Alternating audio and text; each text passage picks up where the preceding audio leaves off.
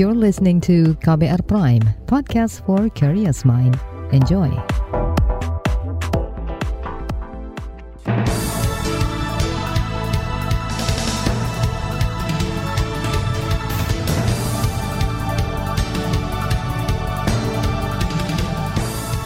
Selamat pagi saudara, senang sekali kami bisa menjumpai Anda kembali melalui program Buletin Pagi edisi Jumat 20 Mei 2022.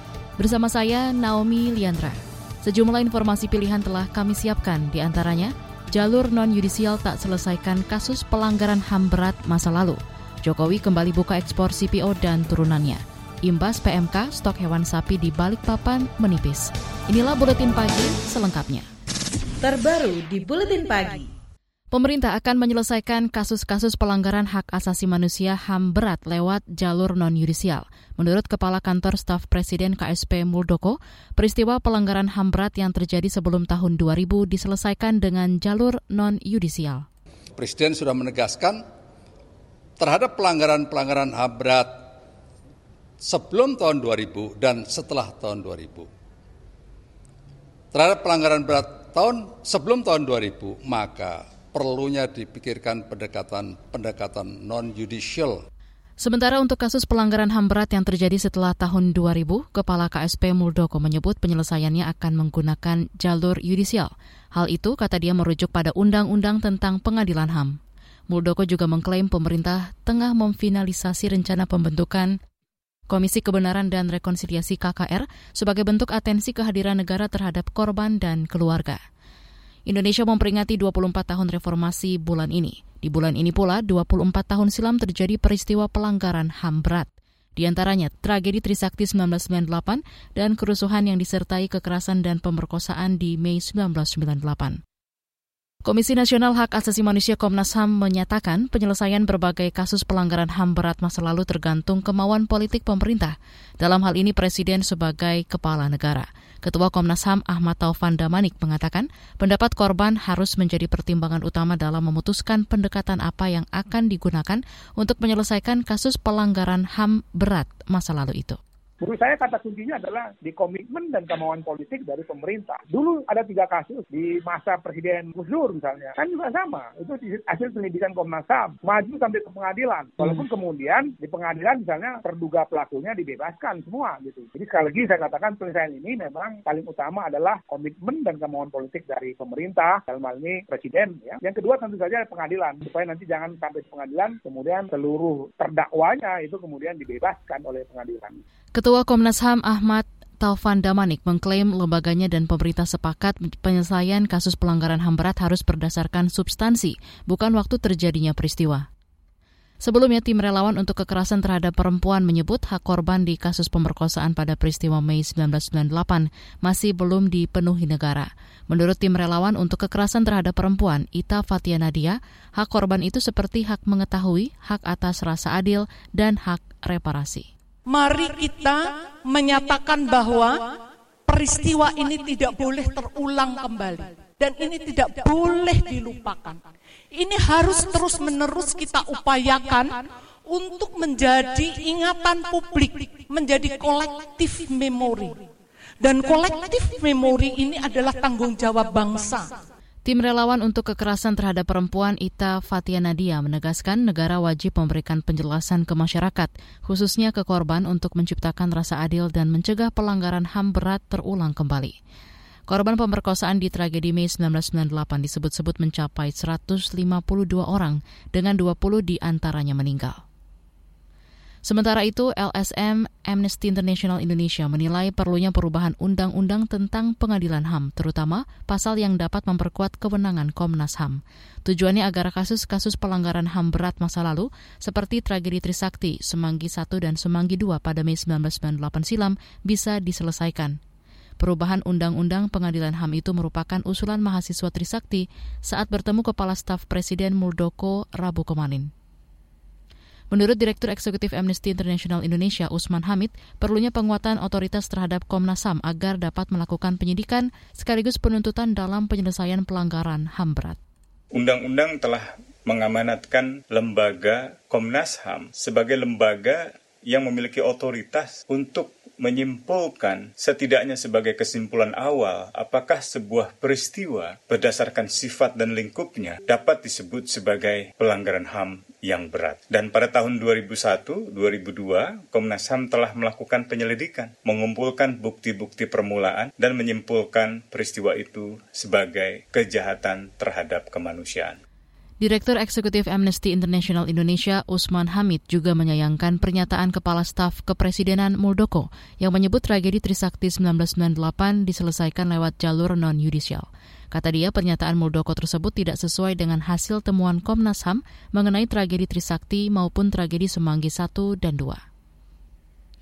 Pada 21 Mei 1998 silam, Indonesia memasuki era reformasi yang ditandai dengan pengunduran diri Presiden Soeharto. Keputusan Soeharto yang telah menjabat selama 32 tahun itu merupakan buntut dari berbagai aksi unjuk rasa yang digelar mahasiswa dan kelompok masyarakat. Beberapa aksi unjuk rasa diwarnai pelanggaran HAM oleh aparat keamanan. Salah satu peristiwa pelanggaran HAM yang terjadi adalah penembakan mahasiswa Universitas Trisakti. Empat orang yang menjadi korban jiwa dalam tragedi itu. Mereka adalah Elang Mulia Lesmana, Heri Hartanto, Hafidin Royan, dan Hendriawan Si. Saudara, dibukanya keran ekspor CPO jadi bukti capaian Menteri Teknis tak sesuai arahan Presiden. Selengkapnya tetaplah di Buletin Pagi KBR. You're listening to KBR Pride, podcast for curious mind. Enjoy!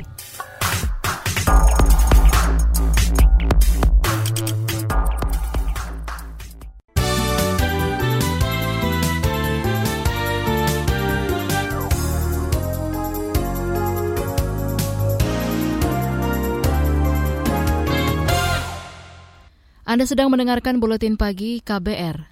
Presiden Joko Widodo akhirnya membuka kembali keran ekspor CPO dan turunannya. Ekspor akan diberlakukan mulai Senin pekan depan. Kata dia, pasokan minyak goreng dalam negeri terus bertambah yang berdampak pada menurunnya harga salah satu kebutuhan pokok itu. Berdasarkan kondisi pasokan dan harga minyak goreng saat ini, serta mempertimbangkan adanya 17 juta orang tenaga di industri sawit, baik petani, pekerja, dan juga tenaga pendukung lainnya, maka saya memutuskan bahwa ekspor minyak goreng akan dibuka kembali pada Senin 23 Mei 2022. Presiden Jokowi menjelaskan sebelum pelarangan ekspor pasokan minyak goreng hanya 64,5 ribu ton. Namun setelah pelarangan ekspor, April lalu, pasokan minyak goreng dalam negeri mencapai 211 ribu ton per bulan. Jumlah itu kata dia melebihi kebutuhan nasional. Selain itu, Kepala Negara juga memerintahkan aparat penegak hukum terus menyelidiki pelanggaran dan penyelewengan distribusi dan produksi minyak goreng. Kata dia, permainan dari mafia minyak goreng ini merugikan rakyat. Sementara Ikatan Pedagang Pasar Indonesia atau IKAPI menilai dibukanya kembali keran ekspor CPO menjadi bukti Menteri Teknis tidak siap melakukan regulasi dan capaian implementasi aturan yang diharapkan Presiden Joko Widodo. Sekretaris Jenderal DPP IKAPI Reynaldi Sarijawan mengatakan, fakta saat ini di lapangan minyak goreng curah masih cukup langka dan harga masih di atas harga eceran tertinggi atau HED. Kekecewaan kami terhadap Menko Perekonomian, Menteri Perindustrian, dan Menteri Perdagangan karena tidak mampu melakukan realisasi atau uh, arahan dari Bapak Presiden Republik Indonesia. Presiden mengharapkan agar harga eceran tertinggi bisa terpenuhi di pasar tradisional dan barang melimpah. Tetapi faktanya kami belum mendapati minyak goreng curah itu cukup melimpah di pasar tradisional. Sekjen DPP IKP Reynaldi Sarijawan menambahkan dengan dibukanya ekspor CPO, kebutuhan minyak goreng dalam negeri juga harus terpenuhi. IKP meminta kepada Kementerian Teknis mencari formulasi yang tepat agar distribusi berjalan dengan baik dan minyak goreng melimpah di pasar sehingga harga juga turun. Saat ini di pasaran harga minyak goreng curah masih di atas 17 ribu per liter. Direktur Lembaga Pemantau Ekonomi Selios, Bima Yudhistira menyebut, kebijakan larangan ekspor minyak goreng dan turunannya tidak efektif menurunkan harga minyak goreng dalam negeri. Larangan ekspor itu, kata dia, malah merugikan keuangan negara. Beralih ke informasi lain. DPR mendesak pemerintah memperbaiki layanan kesehatan masyarakat sebelum menerapkan transisi dari pandemi ke endemi COVID-19. Menurut anggota komisi yang membidangi kesehatan DPR, Kurniasi Mufidayati, pemerintah harus lebih dulu menepis kekhawatiran masyarakat untuk memeriksakan kesehatan atau berobat ke puskesmas. Sebelumnya, Presiden Joko Widodo melonggarkan penggunaan masker sebagai salah satu wujud transisi dari pandemi menuju endemi COVID-19 uh, hari ini pemerintah benar-benar harus melakukan revitalisasi untuk banyak hal. Pandemi sudah mulai menurun, ya mudah-mudahan segera berakhir dan bisa ber, bisa masuk ke transisi endemi. Tapi revitalisasi terhadap uh, layanan kesehatan masyarakat yang secara luas itu harus dilakukan segera. Kurniasih Mufidayati yang politisi Partai Keadilan Sejahtera itu juga menyoroti jutaan bayi di Indonesia yang belum menerima imunisasi dasar lengkap. Ia meminta pemerintah segera mengejar ketertinggalan imunisasi dasar bagi balita itu. Komisi Pemberantasan Korupsi KPK menyatakan telah memeriksa sembilan saksi untuk tersangka Bupati Bogor nonaktif Ade Yasin. Ade merupakan tersangka dugaan suap pengurusan laporan keuangan Pemkap Bogor. Menurut juri bicara KPK Ali Fikri, sembilan saksi itu terdiri dari pejabat dan ASN di Pemkap Bogor. Di mana tim penyidik KPK menggali lebih lanjut eh, pengetahuan dari para saksi ini terkait dengan pengumpulan sejumlah uang dari beberapa SKPD yang menjadi objek audit dari para auditor BPK yaitu tersangka ATM bersama dengan tim auditor BPK perwakilan Jawa Barat lainnya. Juru bicara KPK Ali Fikri menduga Ade Yasin mengumpulkan uang dari anak buahnya agar pemerintahannya mendapat opini wajar tanpa pengecualian atau WTP dari BPK Jabar. Dalam kasus ini KPK menetapkan delapan tersangka, termasuk Ade dan jajarannya. KPK juga menyita uang sebesar satu miliar rupiah lebih sebagai barang bukti. Kita ke informasi ekonomi. Pemerintah menyiapkan anggaran untuk menambah subsidi energi dan kompensasi bahan bakar minyak BBM serta LPG tahun ini seiring meningkatnya harga komoditas global. Menteri Keuangan Sri Mulyani Indrawati berharap dukungan anggaran untuk subsidi dan kompensasi ini bisa melindungi masyarakat dari peningkatan berbagai harga komoditas tambahan anggaran untuk memberikan tadi subsidi dan kompensasi. Karena pilihannya hanya dua. Kalau ini nggak dinaikkan, ya harga BBM dan listrik naik. Kalau BBM listrik nggak naik, ya ini yang naik. Pilihannya hanya dua. Nah, kita lihat, kita mengusulkan untuk tambahan subsidi energi tahun 2022 ini akan dilakukan tambahan 74,9 triliun, yaitu untuk BBM LPG, dan listrik. Menteri Keuangan Sri Mulyani merinci sekitar 71 triliun rupiah akan digunakan untuk subsidi bahan bakar, sedangkan 3 triliun rupiah sisanya untuk subsidi LPG. Total alokasi subsidi dan kompensasi yang disiapkan tahun ini sebesar 324 triliun rupiah, bersumber dari APBN 2022 sebesar 275 triliun dan APBN 2023 sebanyak 49 triliun rupiah. Kita ke berita mancanegara. Organisasi Kesehatan Dunia WHO memberikan izin darurat penggunaan vaksin COVID-19 buatan Chansio Bio asal Cina bernama Confidesia kemarin. Vaksin Confidesia ini diklaim hanya memerlukan satu dosis seperti vaksin Johnson Johnson buatan perusahaan farmasi Amerika Serikat. WHO menuturkan vaksin ini disebut memiliki tingkat efikasi sebesar 64 persen melawan gejala infeksi virus corona dan 92 persen kemanjuran melawan gejala berat COVID-19 dan direkomendasikan untuk usia 18 tahun ke atas. Sejauh ini vaksin Confidencia telah digunakan di China, Argentina, Chile, Malaysia, Meksiko, dan Pakistan. Vaksin Confidencia menjadi vaksin ketiga asal China yang mendapatkan izin dari WHO setelah Sinovac dan Sinopharm.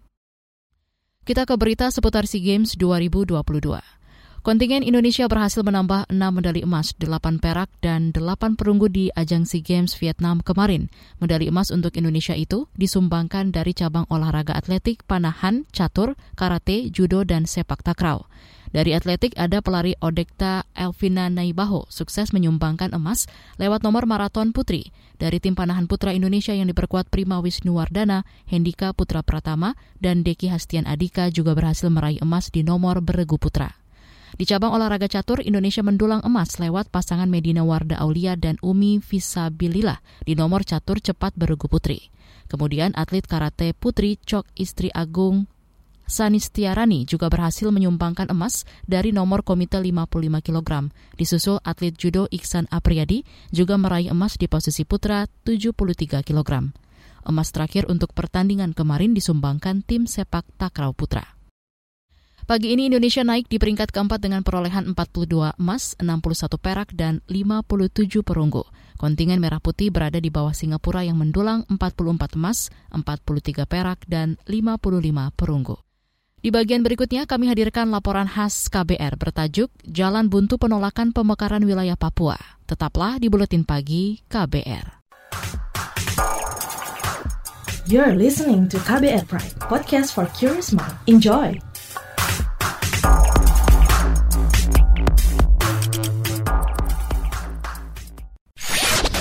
Commercial break. Commercial break.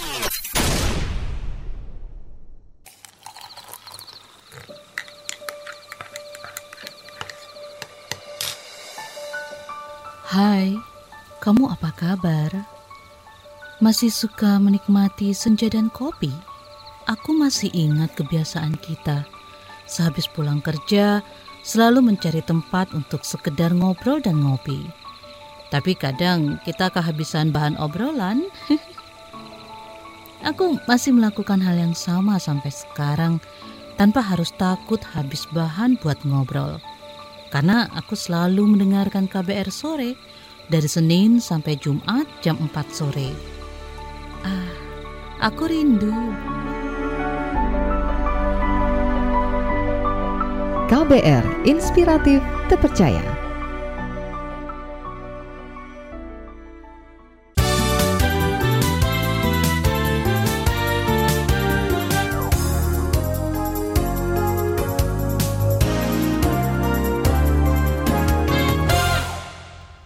Anda masih bersama kami di Buletin Pagi KBR.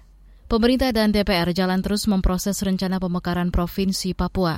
Meski banyak suara meminta pemekaran ditunda, Presiden Joko Widodo telah mengirim surat ke DPR untuk membahas rancangan Undang-Undang Daerah Otonom Baru Papua. Apa upaya pemerintah untuk merangkul suara penolakan itu? Berikut laporan khas KBR yang disusun jurnalis Mutia Kusuma Wardani. Saudara pemerintah dan DPR terus mengkampanyekan pentingnya pemekaran wilayah Papua dengan rencana membentuk tiga provinsi baru. Rencana pemekaran itu makin kuat setelah sidang paripurna DPR pada 12 April lalu menyetujui tiga rancangan undang-undang pembentukan provinsi baru di Papua sebagai usul inisiatif DPR. Tiga provinsi baru yang akan dibentuk adalah Papua Tengah, Papua Selatan, dan Papua Barat Daya. Menteri Koordinator Politik Hukum dan Keamanan Mahfud MD mengklaim Mayoritas masyarakat Papua setuju rencana tiga provinsi baru di Papua. Dan berdasar kepentingan, di Papua kita mengabulkan untuk tiga provinsi. Eh, Papua Barat justru minta agar juga dimekarkan. Nah, kalau ada yang setuju tidak setuju ya biasa. Eh, hasil survei yang dilakukan oleh Dinan itu malah 82 persen rakyat Papua itu memang minta, minta mekar gitu. Mahfud MD menambahkan meski pembahasan RUU dilanjutkan, namun pemerintah menghargai proses hukum uji materi Undang-Undang Otonomi Khusus Papua yang saat ini masih disidangkan di Mahkamah Konstitusi. Klaim pemerintah itu dipertanyakan Majelis Rakyat Papua atau MRP dan DPR Papua. Ketua MRP Timotius Murib mengatakan, rencana pemekaran itu tidak melibatkan aspirasi masyarakat dan tidak didasari kajian ilmiah – Timotius Murib meminta rencana pemekaran ditunda. Majelis Rakyat Papua mempertanyakan uh, penyampaian daripada Bapak Menko Polkam terkait dengan 82 persen aspirasi. Ini kajian dari mana, kajian kapan dilakukan, dan siapa yang lakukan kajian itu? Sementara itu DPR Papua menuding rencana pemekaran wilayah hanya demi kepentingan elit politik. Ketua kelompok khusus DPR Papua, John N.R. Gobay kecewa karena pemerintah dan DPR mengabaikan suara masyarakat, termasuk yang disuarakan melalui berbagai demonstrasi beberapa waktu lalu. Menurutnya, pemekaran wilayah bukan solusi mengatasi masalah mendasar di tanah cendrawasi. Substansi yang disampaikan itu kan misalnya kekerasan yang masih terus terjadi, pelanggaran HAM yang belum diselesaikan secara baik, kemudian distorsi sejarah yang masih menimbulkan distorsi yang sesungguhnya di dalam Undang-Undang Otsus pasal 45 dan 46 dan 47 itu telah diatur mekanisme penyelesaiannya yaitu melalui pengadilan HAM dan e, pembentukan Komisi Kebenaran dan Rekonsiliasi. John Gobay juga menyinggung kajian akademis dari Universitas Cendrawasih Papua. Kajian itu menyimpulkan Papua belum memenuhi syarat untuk dimekarkan karena pembangunannya masih bergantung dana transfer daerah dan dana desa. Artinya masih belum mandiri secara finansial. Sejauh ini pimpinan DPR mengklaim bakal mempertimbangkan aspirasi masyarakat yang menolak pemekaran. Wakil Ketua DPR Sufmi Dasko Ahmad berjanji akan mengusulkan agar rencana pemekaran wilayah itu didalami dengan kajian ilmiah. Namun, RUU pembentukan otonomi baru itu akan dibahas parsial dengan proses hukum di Mahkamah Konstitusi. Kami uh, akan coba mengkomunikasikan dengan pihak-pihak terkait agar kegiatan-kegiatan menyangkut itu bisa berjalan dengan lancar dan nanti akan diatur formulanya supaya semua berjalan dengan baik dan tidak ada eskalasi tinggi. Sementara itu Amnesty International Indonesia mendesak upaya tegas dari pemerintah untuk menunda pemekaran wilayah sampai ada keputusan Mahkamah Konstitusi. Direktur Amnesty International Indonesia Usman Hamid mengatakan, penundaan penting untuk mencegah eskalasi massa tidak meluas. Apalagi aksi pada akhir April lalu menyebabkan dua demonstran tewas terkena tembakan aparat. Ya, dua-duanya kesalahan pendekatan dan kesalahan mencari tahu akar masalah. Ya. Pendekatan yang salah yang saya maksud adalah misalnya mengamandemen Undang-Undang Otsus tanpa mempertimbangkan usulan rakyat Papua melalui DPR Papua dan Majelis Rakyat Papua sebagaimana yang diatur oleh pasal 77 Undang-Undang Otsus nomor 21 tahun 2001. Direktur Amnesty International Indonesia, Usman Hamid menambahkan, pemerintah harus mengedepankan dialog dan mendengar aspirasi masyarakat untuk mengatasi masalah-masalah mendasar di Papua. Saudara, demikian laporan khas KBR, saya Reski Mesanto. Informasi dari berbagai daerah akan hadir usai jeda. Tetaplah bersama Buletin Pagi KBR. You're listening to KBR Pride, podcast for curious mind. Enjoy!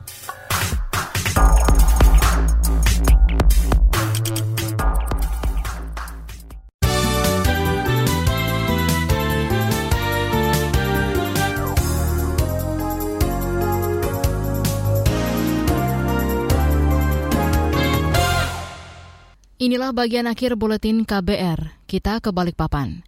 Dinas Pertanian dan Perikanan Kota Balikpapan, Kalimantan Timur menyebut stok hewan sapi di kota itu masih kurang, terutama menjelang Hari Raya Idul Adha. Menurut Kepala Dinas Pertanian dan Perikanan Kota Balikpapan, Heria Prisni, kekurangan itu imbas dihentikannya sementara pengiriman sapi dari sejumlah daerah akibat wabah penyakit mulut dan kaki atau PMK dari sana memang sudah menutup diri. Jadi sudah kementerian sudah perintah bahwa dari Sulawesi, Aceh dan ini uh, Jawa Timur di lockdown. Jadi tidak bisa masuk ke ke daerah lain. Mudahan mudahan saja nanti bisa sampai sampai sana bisa sembuh ya bisa dikirim ke sini. Karena ya kita tidak bisa apa-apa. Kita tidak penghasil ya. Sapi kita hanya 1100 sedangkan keperluan kita tuh 2000 lebih Kepala Dinas Pertanian Balikpapan, Heria Prisni menambahkan, saat ini pihaknya hanya mengandalkan sapi-sapi dari peternak sekitar yang jumlahnya sangat kecil untuk mengisi pasokan. Penyakit mulut dan kuku pada hewan ternak belum ditemukan di kota Balikpapan. Universitas 11 Maret UNS di Solo, Jawa Tengah siap menggelar kuliah tatap muka 100% semester mendatang saat transisi Indonesia dari pandemi menuju endemi COVID-19. Selengkapnya bersama kontributor KBR Yuda Satriawan. Universitas 11 Maret atau UNS Solo segera menggelar kuliah tatap muka 100%. Rektor UNS Solo Jamal Wibowo mengatakan tahun ini mahasiswa dapat kembali mengikuti kuliah tatap muka di awal semester ganjil tahun akademik 2022-2023. Jamal menegaskan mahasiswa, dosen, karyawan tetap diwajibkan mengikuti protokol kesehatan atau prokes COVID-19 selama penyelenggaraan kuliah tatap muka kita akan memulai kuliah secara luring keseluruhan. Kalau sekarang ini kan masih hybrid ya. Nah, untuk persiapan-persiapan harus sudah divaksin, harus itu. Minimal dua kali vaksin. Dan sekarang saya rasa tidak hanya dua tetapi juga sudah booster. Selain penerapan 5M, Ibu Jamal, syarat-syarat ini masih diberlakukan supaya kampus tidak kembali menjadi klaster penyebaran COVID-19. Dari Solo, Jawa Tengah, Yuda Satriawan, KBR. Kepolisian daerah Jawa Timur menetapkan Adi Firmansyah, sopir bus PO Ardiansyah sebagai tersangka kecelakaan maut di Jalan Tol Surabaya Mojokerto pada Senin pagi. Kecelakaan akibat menabrak tiang itu menyebabkan 15 orang tewas dan 18 orang luka berat dan ringan. Wakil Direktur Lalu Lintas Polda Jatim Didit Bambang Wibowo mengatakan, dari hasil gelar perkara status Ade ditingkatkan dari saksi menjadi tersangka. Kata dia, ancaman hukuman kecelakaan ini lebih dari lima tahun. Tersangka Adi Firmansyah dijerat dengan pasal Undang-Undang Lalu Lintas dan Angkutan Jalan. Didit menjelaskan terdapat unsur kesengajaan oleh awak bus yang menimbulkan kelalaian sehingga terjadi kecelakaan di Tol Sumo. Wadir lantas menjelaskan hasil tes urin dan darah tersangka sopir bus PO Ardiansyah positif mengandung unsur narkotika. Polisi masih mendalami jenis narkotika yang dikonsumsi tersangka. Kata dia tidak menutup kemungkinan tersangka juga akan dijerat dengan pasal penyalahgunaan narkotika. Informasi tadi menutup jumpa kita di Buletin Pagi hari ini. Pantau juga informasi terbaru melalui kabar baru situs kbr.id, Twitter kami di akun @beritaKBR serta podcast di alamat kbrprime.id. Akhirnya saya Naomi Liandra bersama tim yang bertugas undur diri. Salam.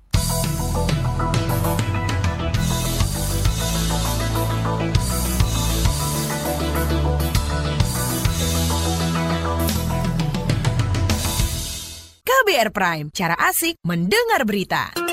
KBR Prime, podcast for curious mind.